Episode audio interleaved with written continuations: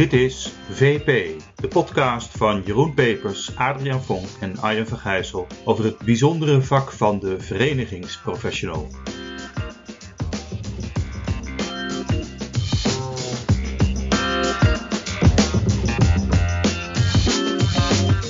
Dag luisteraars, hartelijk welkom in weer een nieuwe aflevering van onze podcast waarin we vandaag spreken met Paul van Rooij, sinds 2016 directeur van de Landelijke Huisartsenvereniging, de LHV.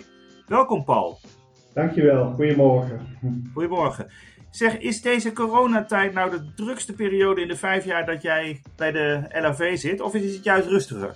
Nee, het is absoluut de, de drukste periode uh, die ik ooit in mijn leven heb meegemaakt. En ik werk al twintig jaar in verenigingen, want ik heb ook tien jaar bij Zorgverzekeraars Nederland gewerkt en vijf jaar, zes jaar bij de Nederlandse GGZ. Ja. Wat ik het afgelopen jaar heb meegemaakt, uh, dat is uh, echt wel uniek geweest. En in welke zin? Qua drukte en intensiteit. We hadden natuurlijk nog nooit een pandemie zoals deze meegemaakt. En wat dat doet met jezelf, met mensen, met je werk. Maar ook qua druk op de zorg en vragen waar je dan mee geconfronteerd wordt. Dingen die we ook nog nooit eerder hadden meegemaakt. Ja, qua belang, omdat je ontzettend bezig bent met elkaar om te kijken wat je kunt bijdragen om uh, hoe je hieruit kunt komen. En vervolgens heb je ook nog je bureau te managen uh, met een hoop medewerkers uh, ja, die ineens niet meer kunnen werken zoals we altijd gewend waren. En waar je ook allemaal oplossingen voor moet verzinnen. En heb je nou, als je terugkijkt, al een aantal lessons learned? Dat hebben we gewoon goed gedaan met elkaar. Ja, ik denk als je, als je naar ons bureau als Landelijke Huisartsvereniging kijkt, dan hebben wij de afgelopen jaren behoorlijk gereorganiseerd. En zijn we van een vrij hiërarchische uh, organisatie met veel managementlagen naar een hele platte organisatie met flexibele teams hè, die, die gekoppeld zijn aan de prioriteiten die onze leden aangeven overgegaan.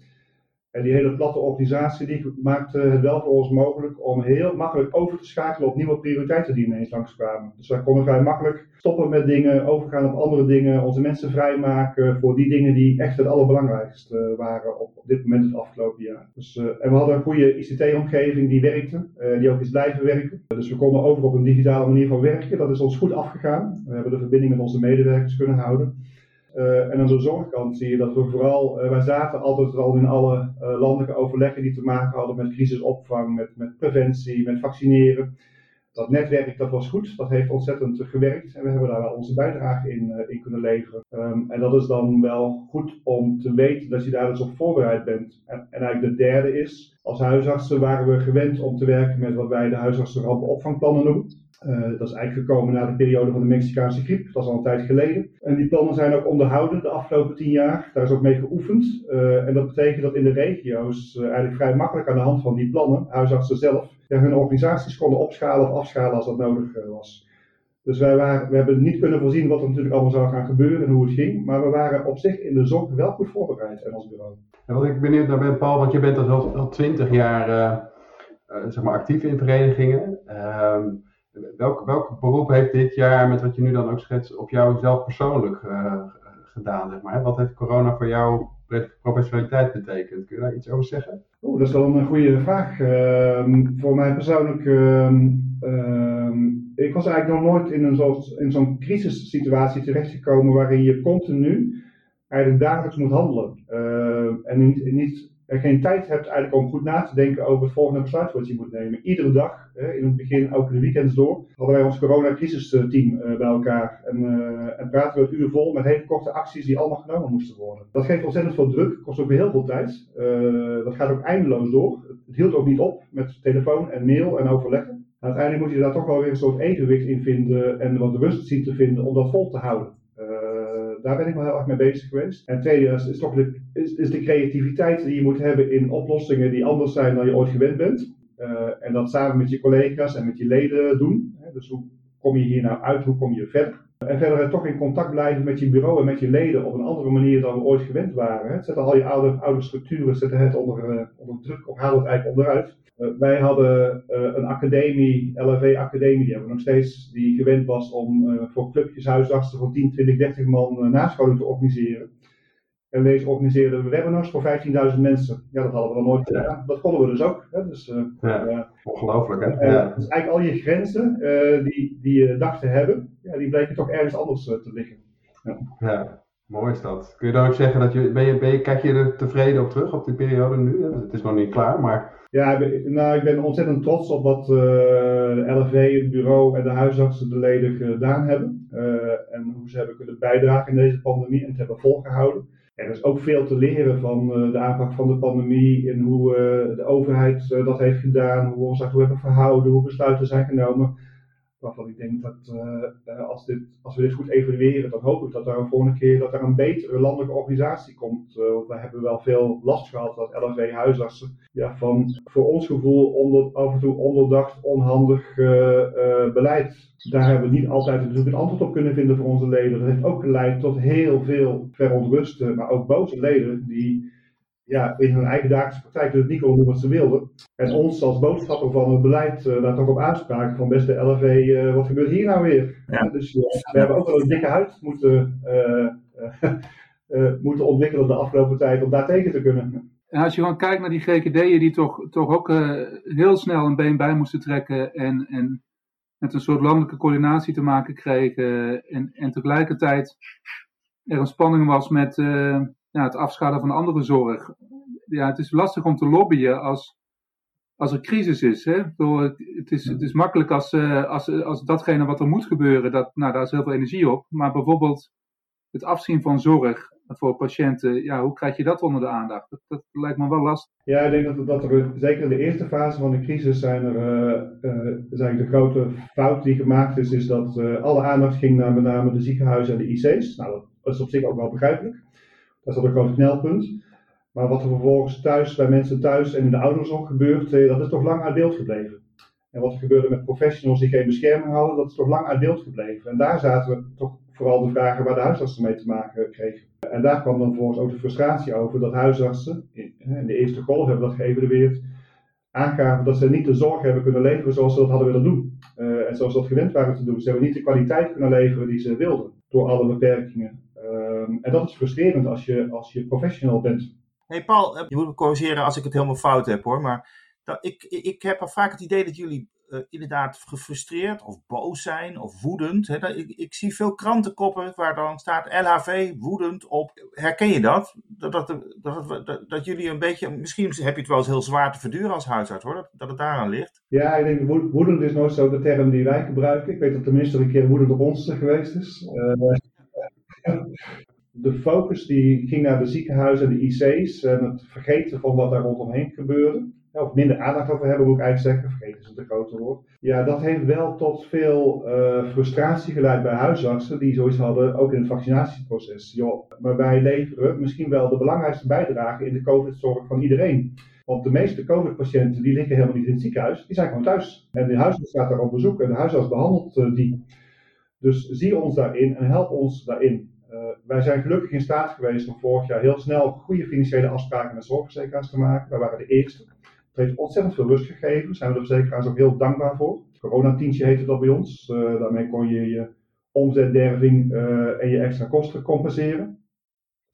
Dat heeft heel erg geholpen. Maar bijvoorbeeld in het vaccinatieproces, waar op een gegeven moment de mensen in de acute zorg in de ziekenhuizen en de IC's wel gevaccineerd werden, en de huisartsen die exact in diezelfde frontlinie stonden niet. Ja, dat kon niet, eh, vonden wij. En dat hebben we, dat hebben we ook laten weten. Ja. Ja, en ik hoorde laatst ook iets over die, die gele boekjes, die inentingsboekjes. En dan, nou, dan zeiden jullie van, het kost ons veel te veel werk, hou erbij op. Ja, jullie, jullie zijn wel stevig, vind ik, in jullie toonzetting. Dat klopt. Hè? Dus naar stevig, wij uh, proberen helder aan te geven hoe het zit. Dus we hebben het belang van de huisarts is eigenlijk tweeledig in deze pandemie. Eén, uh, je moet gewoon zorgen dat je dagelijkse praktijk doorloopt. En die is druk. Uh, die is ontzettend druk. En er zijn enorm veel vragen van, uh, van mensen. Op allerlei manieren. En je moet het ook nog een beetje, je moet in coronatijd organiseren. Dat is ingewikkeld. Tegelijkertijd wil je als huisarts een bijdrage leveren aan dat wat nodig is om uit deze pandemie te komen. En dat was bij ons de reden om mee te gaan, bijvoorbeeld in het vaccinatieproces komt er bovenop. Hè. Je hebt een praktijk van 9 tot 5, die is ontzettend druk. Uh, en daarnaast moet je ook nog die uh, vaccinaties gaan organiseren. En dat wordt dan ook nog eens een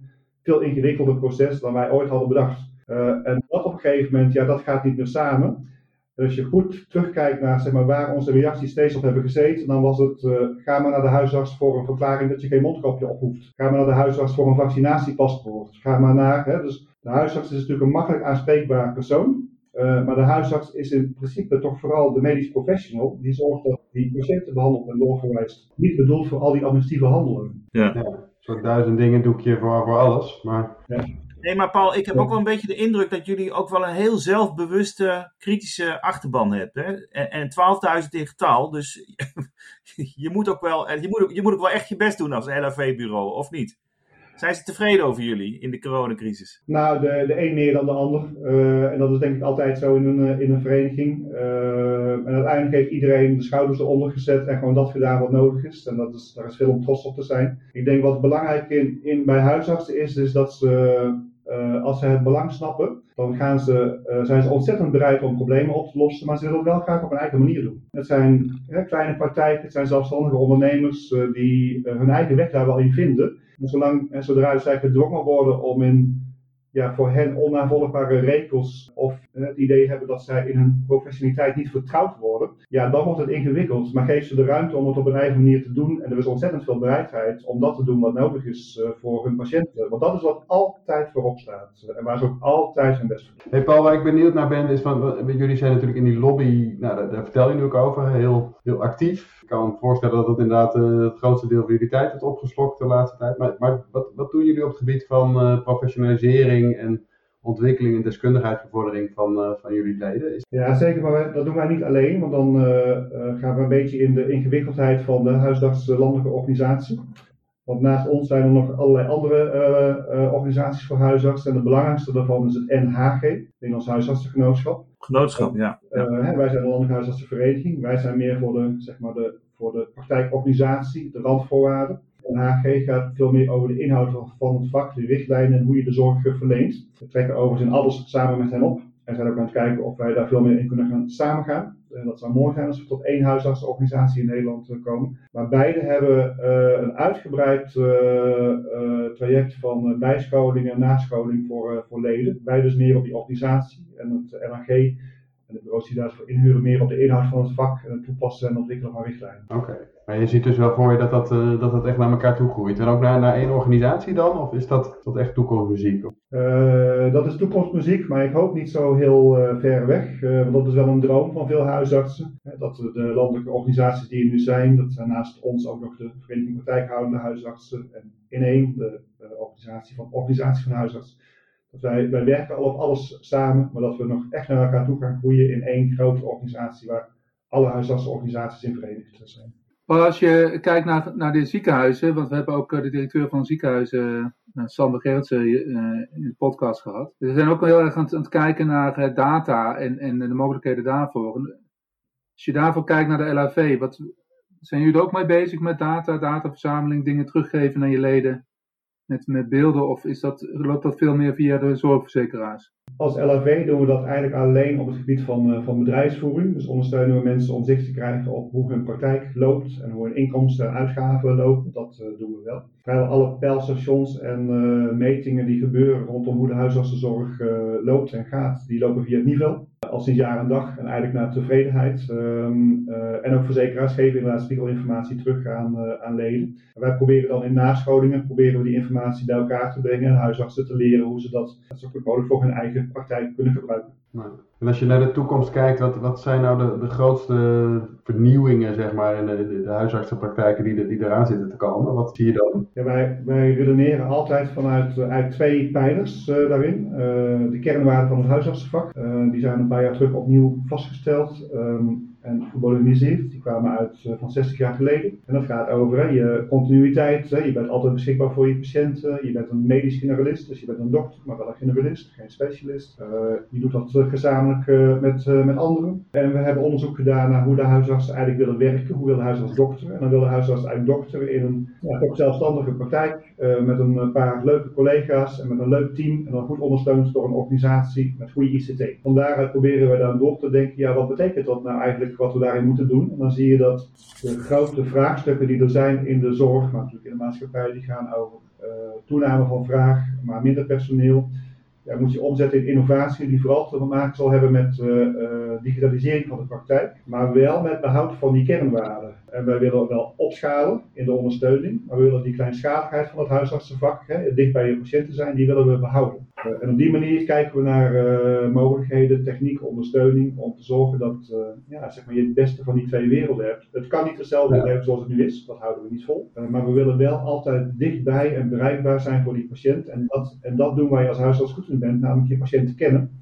Je daarvan zorgen dat jouw, jouw populatie, waar jij voor bent, dat die ja, zo gezond mogelijk blijft. Maar is er externe druk op opschaling dan? Jazeker, er is druk omdat er uh, problemen zijn met praktijkopvolging en partijen daar inspringen om uh, op een andere manier die praktijken te organiseren, grootschaliger. Het idee dat dat efficiënter is. Nou, soms werkt dat goed, maar soms ook niet. Daar is behoorlijk wat weerstand tegen, dus dat proberen we eigenlijk niet te ontdekken. Ja, maar wat, is, hè, wat kunnen we daar nou van leren daarin? Wat, wat is dan wel belangrijk?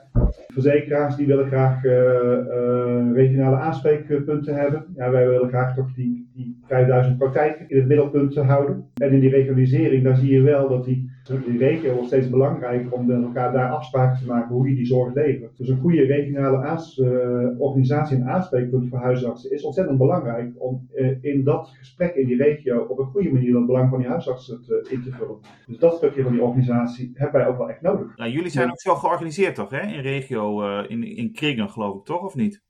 Ja, we hebben een landelijke vereniging, de Landelijke Huisartsvereniging, en die heeft 23 regionale verenigingen uh, met eigen verenigingen en besturen. Dat gaan we veranderen volgend jaar. Dus uh, wij gaan onze regionale kringen, hè, die, die vrij hiërarchisch waren, met eigen ledenraden, met eigen besturen, uh, met heel veel vergaderingen, met relatief weinig opkomst, in wat wij afdelingen noemen met ambassadeurs, die namens de huisartsen in die regio's het huisartsenbelang gaan inbrengen bij zowel regionale organisaties als bij anderen. We gaan onze organisatie wat versimpelen, maar wij blijven altijd, zullen wij die regionale uh, invalshoek dicht bij de huisartsen blijven houden. Dat is ons grote belang. Wij moeten dicht bij die huisarts zijn praktijk blijven, want dat is waar zijn grootste problemen zitten. Als je nou kijkt naar, uh, want je zit 20 jaar in het vak, uh, misschien ook wel specifiek voor de LFV, wat, wat zie je voor ontwikkelingen qua professionaliteit van verenigingsmedewerkers? waar, waar zie je het naartoe bewegen? Ja, wat wij bij ons zien is dat ehm, eigenlijk een paar trends uh, die we zien. Hè, dat is dat de, de verwachtingen van leden ten aanzien van je dienstverlening en de successen die je kunt bereiken, die worden groter uh, en hoger. Dus er wordt veel verwacht van ons, uh, ook qua serviceniveaus. we krijgen ontzettend veel ledenvragen. We proberen die allemaal zo snel mogelijk te behandelen.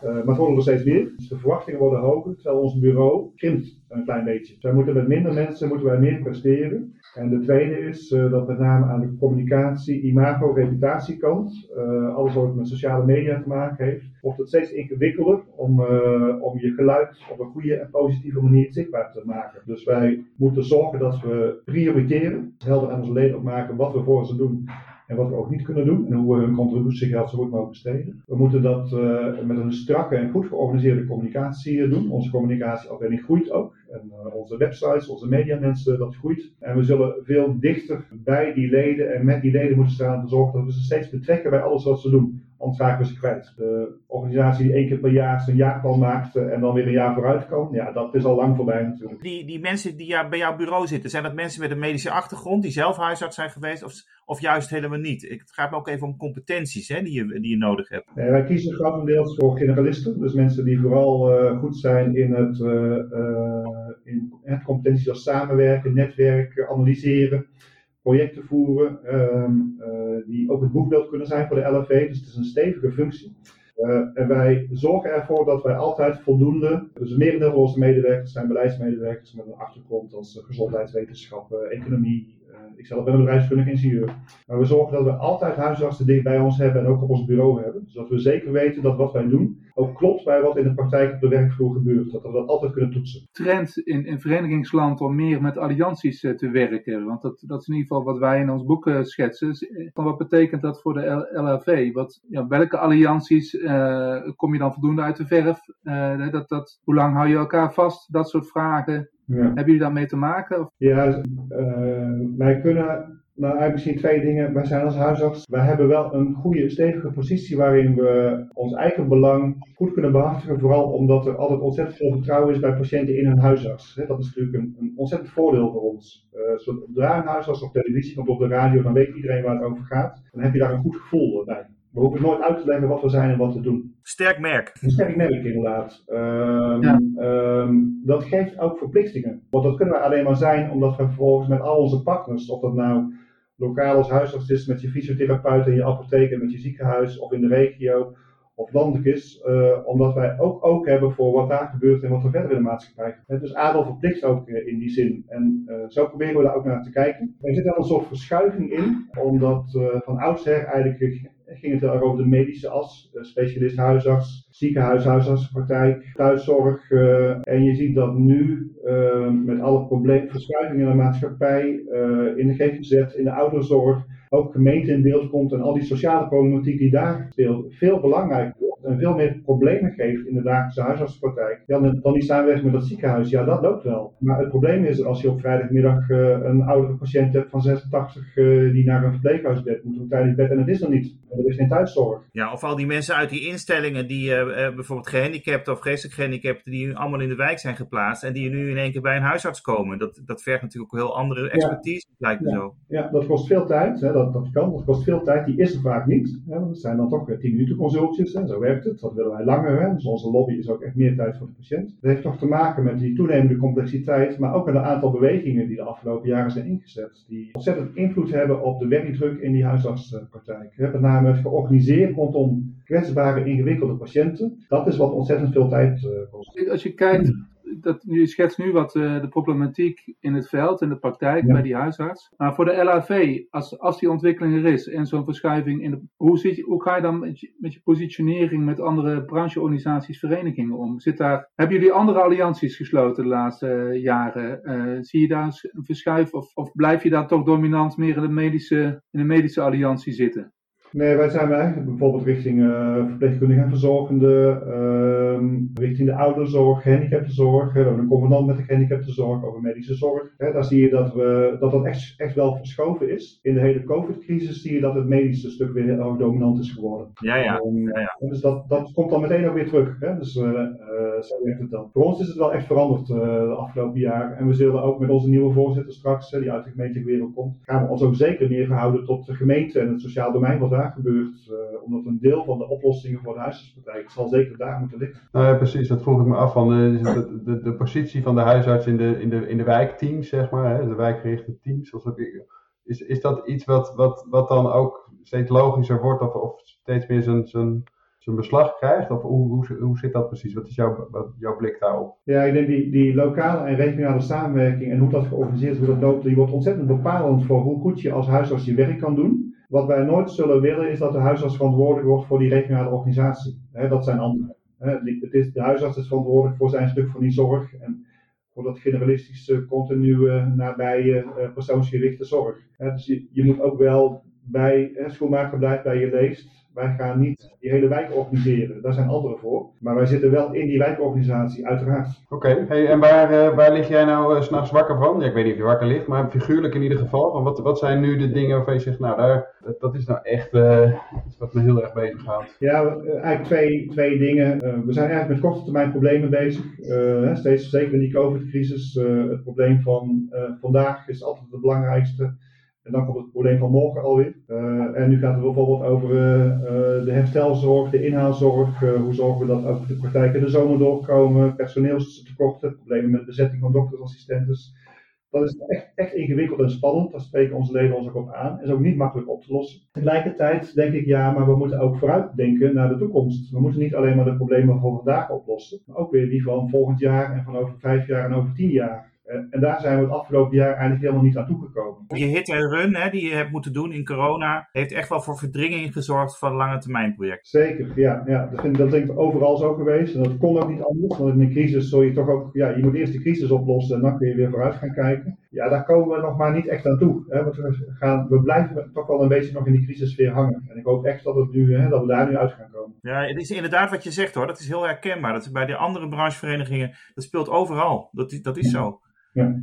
En, wat wij wel leuk vinden om te zien is dat heel veel brancheverenigingen ontzettend snel die omslag hebben gemaakt naar een soort crisisorganisatie die helemaal virtueel en digitaal werkte.